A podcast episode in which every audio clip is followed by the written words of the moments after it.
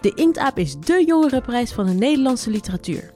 Vanwege de coronamaatregelen reiken we hem dit jaar op een andere manier uit, namelijk in een podcast. Scholieren kiezen het beste boek uit de winnaars van de BNG Bank Literatuurprijs, de Boekspot Literatuurprijs en de Libris Literatuurprijs.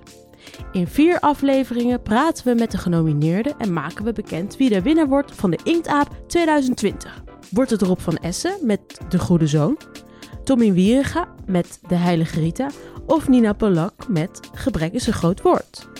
De Inktaap podcast is vanaf maandag 15 juni te beluisteren via Spotify of de podcast app op je telefoon.